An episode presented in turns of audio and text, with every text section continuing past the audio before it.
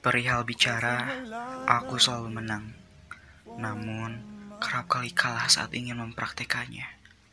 Jangan percaya bila orang berkata bahwa aku adalah yang terpandang, sebab yang kalian pandang bukanlah aku yang sebenarnya. Sosial media, tempatku menebarkan pesona, berjingkrak-jingkrak kegirangan ketika orang lain memujinya. Lemah dan tak dikenal pada nyatanya.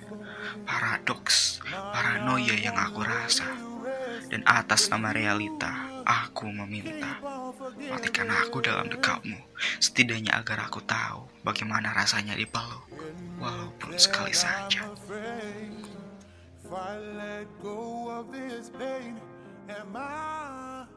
Completely betrayed?